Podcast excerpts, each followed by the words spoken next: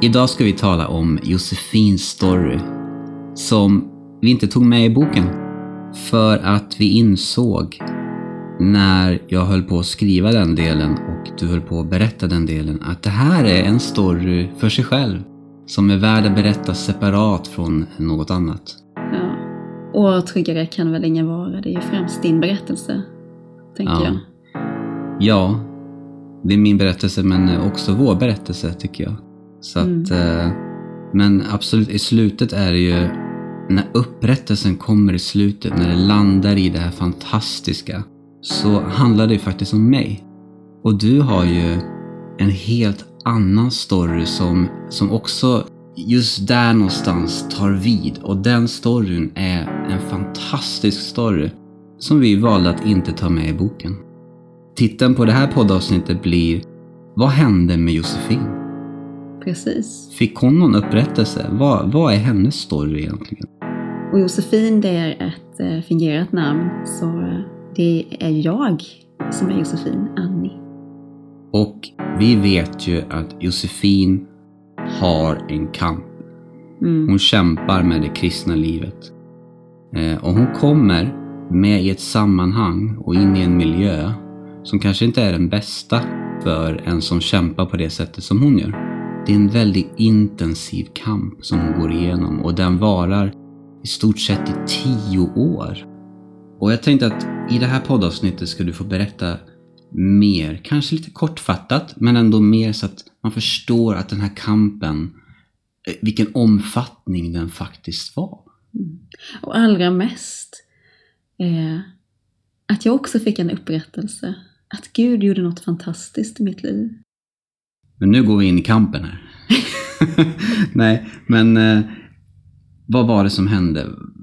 Hur såg ditt kristna liv ut? Om du kortfattat skulle berätta. Ja, nej men eh, och vi, det här har vi ju pratat om i eh, avsnitt ett också. Eh, men mitt kristna liv, det finns det positiva stråket och det negativa stråket. Det positiva det var ju att alltså jag var en brinnande kristen. Jag ville bara följa Jesus och, och vara hans redskap. Eh, och det kristna livet på något vis och den tron jag hade var något väldigt positivt. Samtidigt så fanns det det här negativa stråket.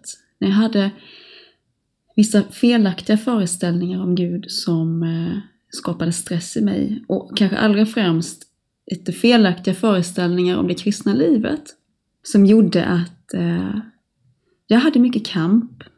Jag gav mig själv aldrig riktigt tillåtelse att vila.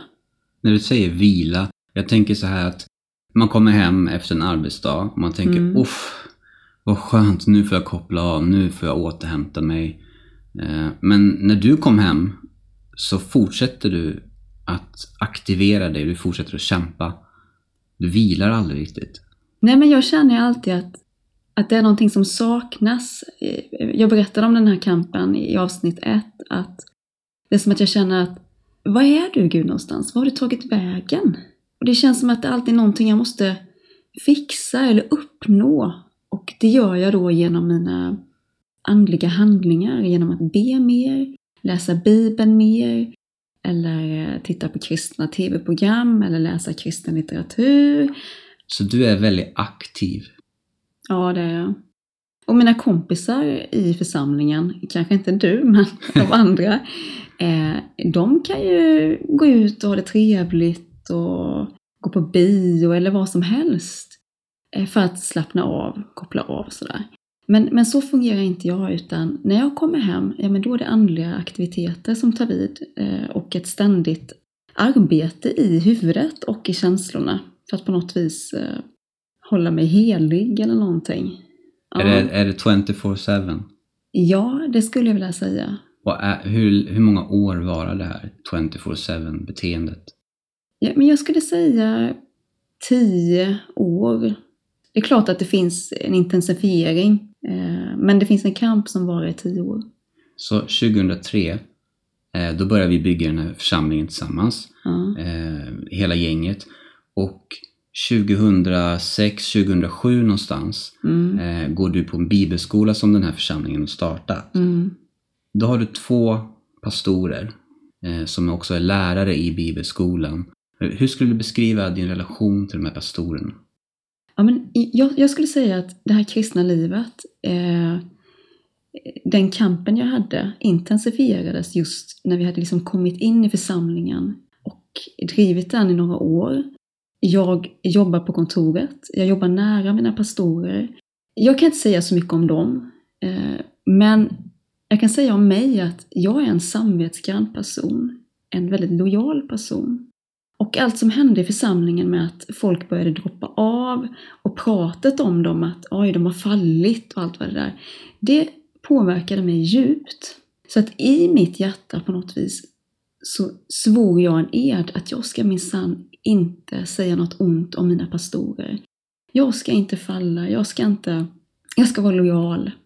Och det där blev väldigt osunt för mig. Därför att det var som att mina pastorer tog Guds plats. Jag, jag sa inom mig att den dagen jag lämnar mina pastorer, då har jag lämnat Gud. Och det här blev väldigt osunt för mig. Ja, det låter inte särskilt sunt faktiskt. Nej, och jag vet att jag, jag köpte en bok för några år sedan Eh, som heter Om det så skulle kosta mig livet. Den är skriven av en, eh, en annan person i en helt annan församling som har dåliga erfarenheter från kyrkan. Och jag bara kände att, ja, så var det. Alltså det är fruktansvärt. Om det så skulle kosta mig livet. Du vet när lojaliteten går så långt. Ja, Nej, men jag minns andra också som sa det i det här sammanhanget att ja, men om de bad mig att göra det här, det här så skulle jag göra det. Liksom. Jag skulle inte ställa en fråga, jag skulle bara göra det. Ja. Eh, och den typen av beteende hade vi väl alla i olika grader kanske, men, men du hade det här. ja. Men det var också ett väldigt stort prat om trofasthet i vår församling. Och att man skulle vara trofast i det lilla. eh, Och att genom trofastheten skulle Gud belöna eh, och så vidare. Ja, trofastheten till församlingen och till pastorerna, Absolut. inte till Gud. Jo, men det var väl också inräknat, tänker jag där. Det blev lite en salig blandning av vad ska jag vara trofast mot egentligen. Absolut. Och det, den, den kampen tror jag många kristna har. Häromdagen så sa du att du anser inte att du är ett offer i det här. Vad, vad tänker du där? Nej, men det, det, det tänker jag absolut inte, utan jag tänker att eh, jag, liksom alla andra, eller jag kan ju bara svara för mig själv, jag ville ju göra detta. Jag Eh, ville vara med och starta församling. Eh, jag är själv en stark drivkraft och eh, ja, men vi var väl alla drivna av våra egna ambitioner på något vis. Så att jag ser inte att jag är ett offer på det sättet. Nej. Och det är samma för mig. Jag är absolut inte ett offer i det här. I alla fall inte i det här sammanhanget. Eh, utan jag gick med här för att jag ville det, för att jag var sån, för att jag, jag drogs till det och jag hade allt det här innan jag gick med i det här sammanhanget. Eh, alla tokigheter och allting sådant. Däremot så kan jag sörja över vissa saker som blev som det blev. Och jag kan faktiskt vara ledsen för det. Jag vet ju att du hade ju, precis som jag då, men nu pratar vi om dig, så Mm. nu får du ta smällen här. Eh, du hade ju vissa symptom. Det ena var ju att du var väldigt aktiv hela tiden. Du kunde aldrig vila. Eh, och du kände att det kristna livet beror på dig. Och du Ja. var i en miljö där den typen av föreställning också uppmuntrades och den, det som vi brukar benämna som den egna kraften när människan tar Guds plats. Det var någonting som också uppmuntrades i det här sammanhanget. Mm. Jag kände det som att det kristna livet var som att gå på lina. Ja, men tog man ett felsteg, ja men då var det rätt ner i avgrunden. Eh, Så var min känsla och och det var som att jag gick runt och hade Gud på axlarna. Jag bar Gud. Och det blir ju väldigt tungt. Och när vi befinner oss 2006-2007 där någonstans, mitt i bibelskolan, du har dina pastorer, jag är inte där då för att jag har pausat det här i mitt liv. Eh, då händer någonting, då, då känner du någonting, kan du berätta? Ja, nej men då, då börjar jag känna en smärta i min kind. Eh, och ja, det har varit en intensiv tid på alla sätt och vis. Eh, mycket inre stress. Också mycket yttre stress. För att på förmiddagarna då går jag i bibelskola. På eftermiddagarna så tar jag hand om kontoret. Och på kvällarna är det ofta renovering i kyrkan. Och jag har jättelite pengar så att jag äter inte så mycket. Eh, men jag, jag får ont i kinden. Jag märker att det är när jag tänker på vissa saker. Eh, när jag tänker på mina pastorer faktiskt och på krav jag känner när jag tänker på dem. Då känner jag att det liksom suger till i, i kinden, att det gör ont. Så när smärtan har liksom en, en koppling till detta. Så att jag tänker ju att detta är psykosomatiskt. Det är inte något som är på riktigt. Men går du och kollar upp det här? Nej, inte alls. Jag, jag går fram på förbön. Okej, okay, du går på förbön och då säger du att jag har ont i kinden, kan ni be för det här? Ja. Gör du det flera gånger eller en gång? Jag minns bara en gång. Då kände jag ju till och med en, en eh, knuta i kinden. Eh, och det gjorde nog de som bad för mig också. Så du kan fysiskt känna det här nu? Ja, det gjorde jag. Jag kollade upp det, nu ska vi se, 2008 tror jag att jag kollade upp det. Och det, då kanske jag har gått med detta i ett år. Men det var ju ingen som, det var, ja, men ta Voltaren så blir det nog bra. Sa de på vårdcentralen. Ja, just det. Ja. De tog det inte så seriöst helt enkelt. Nej. Nej. Men sen så, så kollade jag upp det något år senare. Och då är Ja. vi alltså i 2009. Då är vi 2009. Ja. Det är några år in, eller några månader innan du och jag ska gifta oss. Ja. Då går jag till läkaren igen. Och då känner de att det här är en knöl, skicka henne så fort som möjligt till sjukhuset. Men på sjukhuset så känner de inte den här knölen. Eh, av någon konstig anledning. Så att det hela rinner ut i sanden. Och jag känner också så här att ja, men det, är, det här är nog bara psykosomatiskt. Det är inte ett problem så nu släpper vi det här. Men jag, alltså när vi hade gift oss, eh, så minns jag det här. Jag minns att den, den här knölen, man fick inte röra det på kinden. Så jag förstår inte riktigt hur de missade detta för att vara ärlig. Nej, det var, eh, det var eh, mycket märkligt, eh, håller jag med om. Och doktorn kunde ju inte stå där och klämma hur mycket som helst för det gjorde ju fruktansvärt ont. Och när fick du eh, en riktig diagnos på detta? Ja, men eh, den första riktiga diagnosen den fick jag ju 2011. Då har vi lämnat församlingen. Då har vi lämnat församlingen och vårt första barn har kommit. Det har varit en väldigt omtumlande tid på alla sätt och vis. Och jag har nu så ont att jag inte kan sova på nätterna.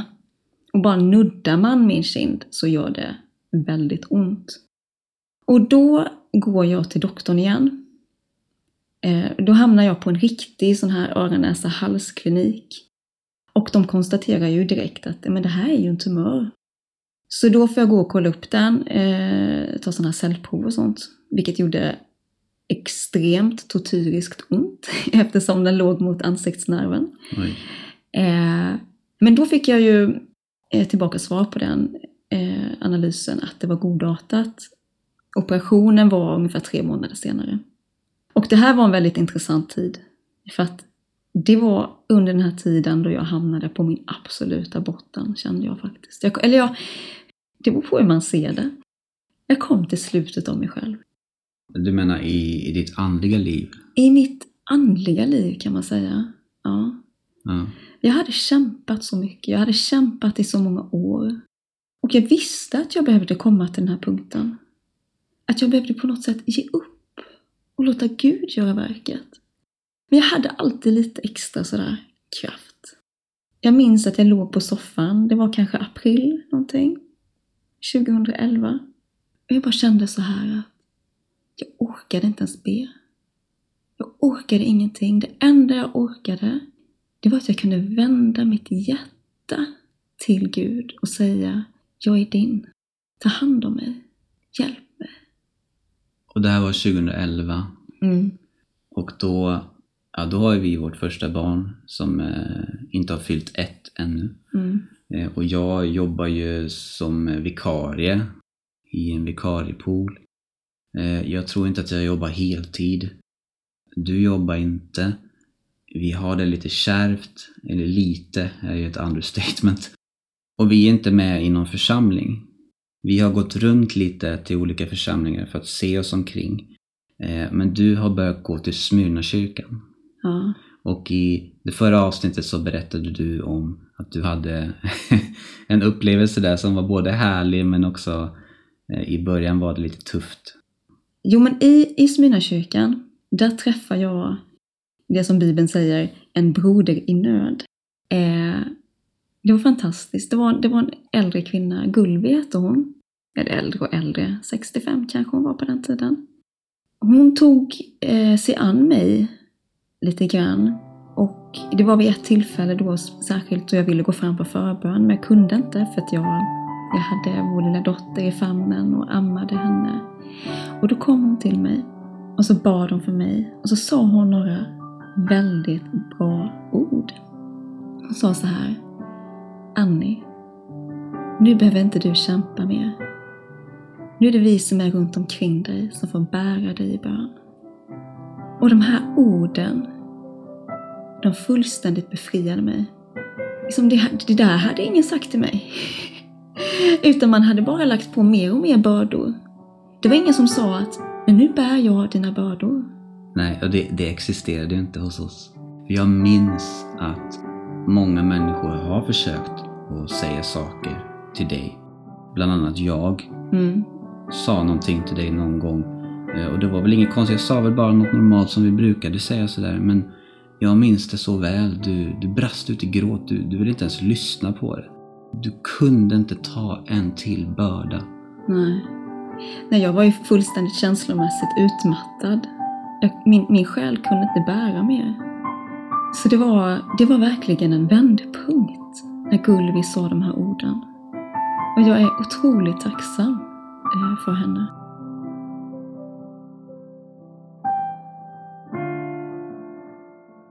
Och vi ska gå in på det lite senare här. Just tala om bördorna som har blivit lite av ditt och mitt budskap just nu. Mm. Det här med att vara fri från bördor och onödiga bördor i det kristna livet. Mm. Eh, utifrån vår egen erfarenhet och hur vi läser Bibeln nu idag gentemot då. Eh, att vi tar inte till oss bördor längre på det sättet. Nu fick du ett samtal. Ja, jo men eh, det var nog, jag skulle på återbesök till sjukhuset.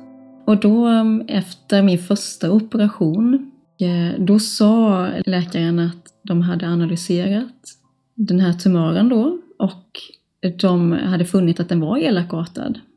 Så att det var ju, då behövde jag ju in och opereras igen. Man behövde ju ta bort mer. Och det kom inte som en blixt från klar himmel. Alltså jag kände på mig eh, detta. Att, eh, att, att detta skulle hända i princip. Och eh, jag kom hem och min instinkt sa till mig att nu ska jag be emot det här, jag ska gå emot den här cancern och jag ska oh, tala ut bibelord och allt möjligt. Och det där höll i en halv sekund, sen orkade jag inte mer. Så jag bara kunde inse att aj, jag, jag pallar inte det här. Gud, du får hjälpa mig liksom. Eh, och jag kände att nej, men nu behöver jag komma, komma på andra tankar. Så då sa jag till familjen att nu åker vi till Liseberg. Så vi, vi åkte till Liseberg. Vi hade inte mycket pengar, men det här var viktigt. Och så satt jag där uppe i slänggungan.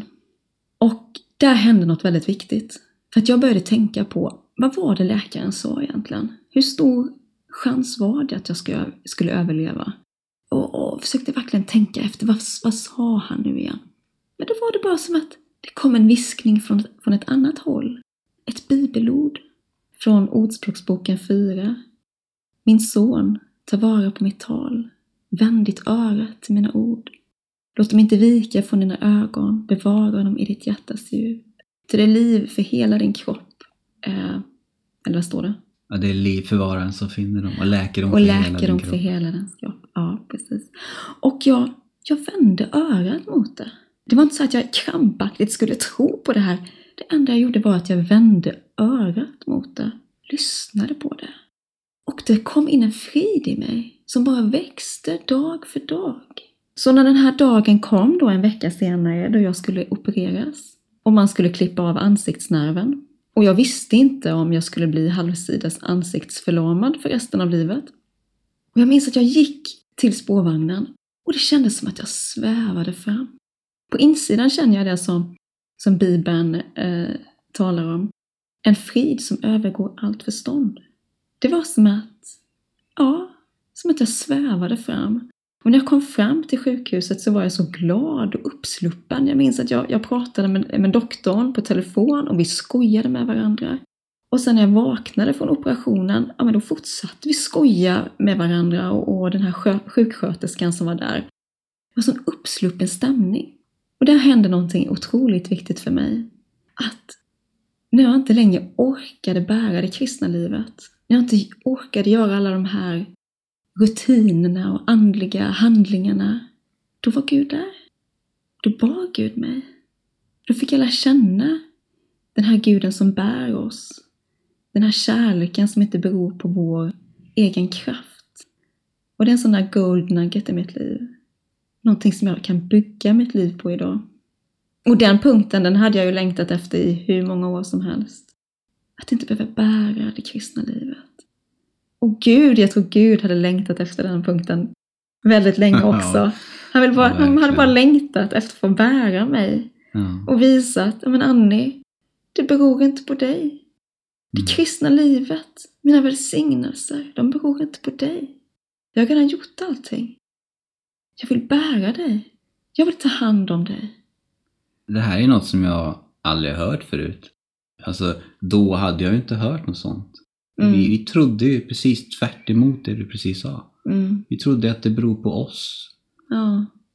Men hur, hur stor del av din kamp försvann nu då?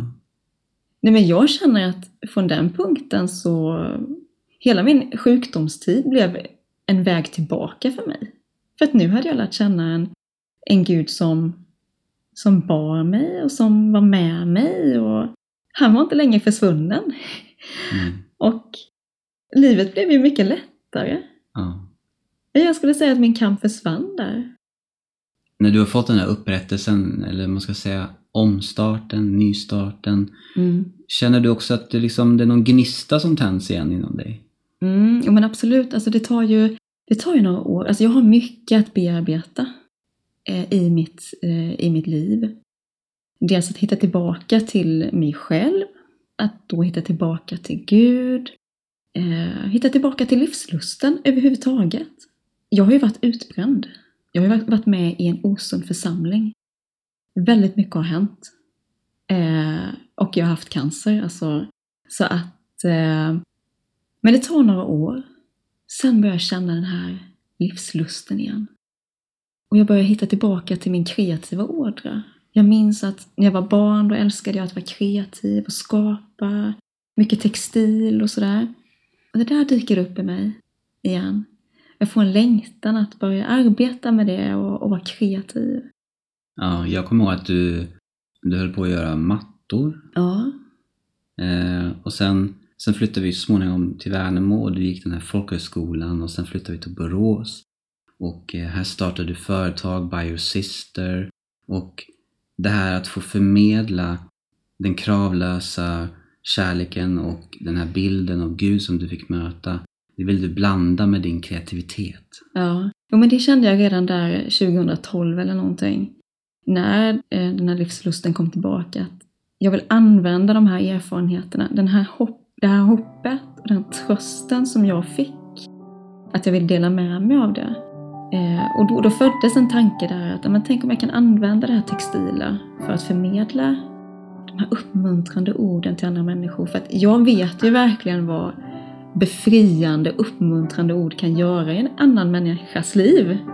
För det var ju det som hände med mig eh, när Gulvi sa de där orden, att det fullständigt befriade mig. Och det vill jag förmedla vidare. För att min längtan är ju bara att få uppmuntra Guds folk, trösta och ge hopp. Idag tänker vi ju annorlunda när det kommer till vilka budskap som vi lyssnar på. Eh, när vi var i den här församlingen och i den här miljön så var det krav som gällde. Det var bördor som vi tog till oss. Vi tyngdes av det, men vi trodde att det var rätt. Vi trodde att vi skulle ha krav och vi skulle driva på själv. Vi skulle uppnå saker och det skulle vara lite extremt eller mycket extremt. Det var en kämpande tro och det var tro för stora saker. Och nu när vi har mött den här vilan så har vi ju en helt, vi har ett helt annat budskap som vi bär på. Mm. Vi vill ju förmedla någonting helt annat. Mm. Och grunden i det är ju att vi har en ny bild av Gud. Eh, Att han är kärleksfull. Att han inte lägger krav på oss. Eh, Utan att vi, vi har väl hittat på det själva. Eh, Att han lägger bördor på oss. Ja, för han gör ju inte det. Nej. Det har ju vi hittat på själva och vi lägger bördor på varandra. Och så kommer Gulvi och så sa hon, liksom tog bort bördan från dig istället. Ja. Det var ju någonting nytt, skulle jag säga. Mm. Och för mig var det ju helt nytt. Det var ju revolutionerande. Jag har väl varit lite fundersam när det gäller eh, när du säger att du söker efter Gud. Eller du sökte efter Gud. Ja. Och då tänker jag så här, men var, varför hittar du inte honom? Vad, vad var det? Men sen säger du att men jag sökte i min egen kraft. Eller jag hade bördor på mig och sådär. Och kan det här vara svårt att förstå? Nej, men jag tänker att vi alla har vår egen resa. Och vår egen kamp. Vi har våra egna svagheter. Och brister och så. Så att jag tror att jag, jag, jag behövde släppa taget. Ja, mitt kristna liv berodde väldigt mycket på min egen kraft. Jag tror, jag tror att Gud ville föra mig till en punkt då han fick bära mitt kristna liv och mig själv, hela mig. Så att eh, det går inte att jämföra sig på något vis, utan vi är så olika. Men jag har också liknande erfarenheter som du. Att jag, eh, jag höll väldigt hårt om Gud. Mm. eh, I det som vi brukar kalla för självrättfärdighet. Det, men det är egentligen att man bär det kristna livet själv. Mm. Men det kan också vara så att orsakerna till eh, självrättfärdigheten kan vara helt olika. Vi har så många olika bottnar och anledningar till varför vi är på särskilda sätt. Jag till exempel var ju så otroligt eh, plågsamt medveten om alla mina brister under alla de här åren. Jag visste ju att, men Annie, du borde inte vara så här. Du borde inte tänka så här. Du borde inte... En sån här otrolig självmedvetenhet. Medan du, du var ju raka motsatsen, eller hur? Jag borde vara så här. Nej men alltså du, du bara körde på. Och du, du tänkte ju inte på hur du borde vara, eller hur? Jag körde på upp i det blå. Ja. mm. Alltså, jag skulle säga så här eh, sammanfattningsvis då. Du var extrem på ditt sätt och jag var extrem på mitt sätt. Mm. Men det som vi hade gemensamt, den gemensamma nämnaren här var att vi levde i en miljö där krav tyngde oss. Bördor tyngde oss. Men vi båda fick en fantastisk upprättelse till slut. Och det är det enda jag vet.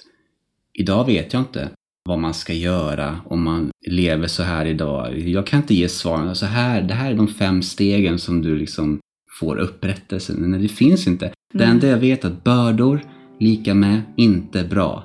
Mm. Okej, dålig miljö i en kyrka med ledare som pushar på en och inte ser till ens välmående. Inte bra. Mm. Det är det enda jag vet. Det är faktiskt det enda jag vet.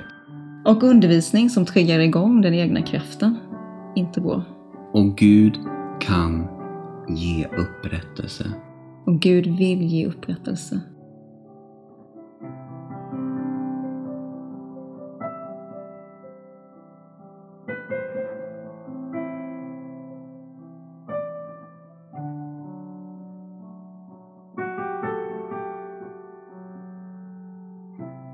Du har lyssnat på ett avsnitt av podden Befriande med Annie och Simon Sirocki. Vill du veta mer om oss eller komma i kontakt med oss kan du följa de länkar som finns i poddens beskrivning. Vill du läsa boken Tryggare kan väl ingen vara än Guds lilla lärjunge så finns den att beställa på Semnos förlag. Vi önskar dig den rikaste välsignelsen och hoppas att du också vill lyssna på kommande avsnitt.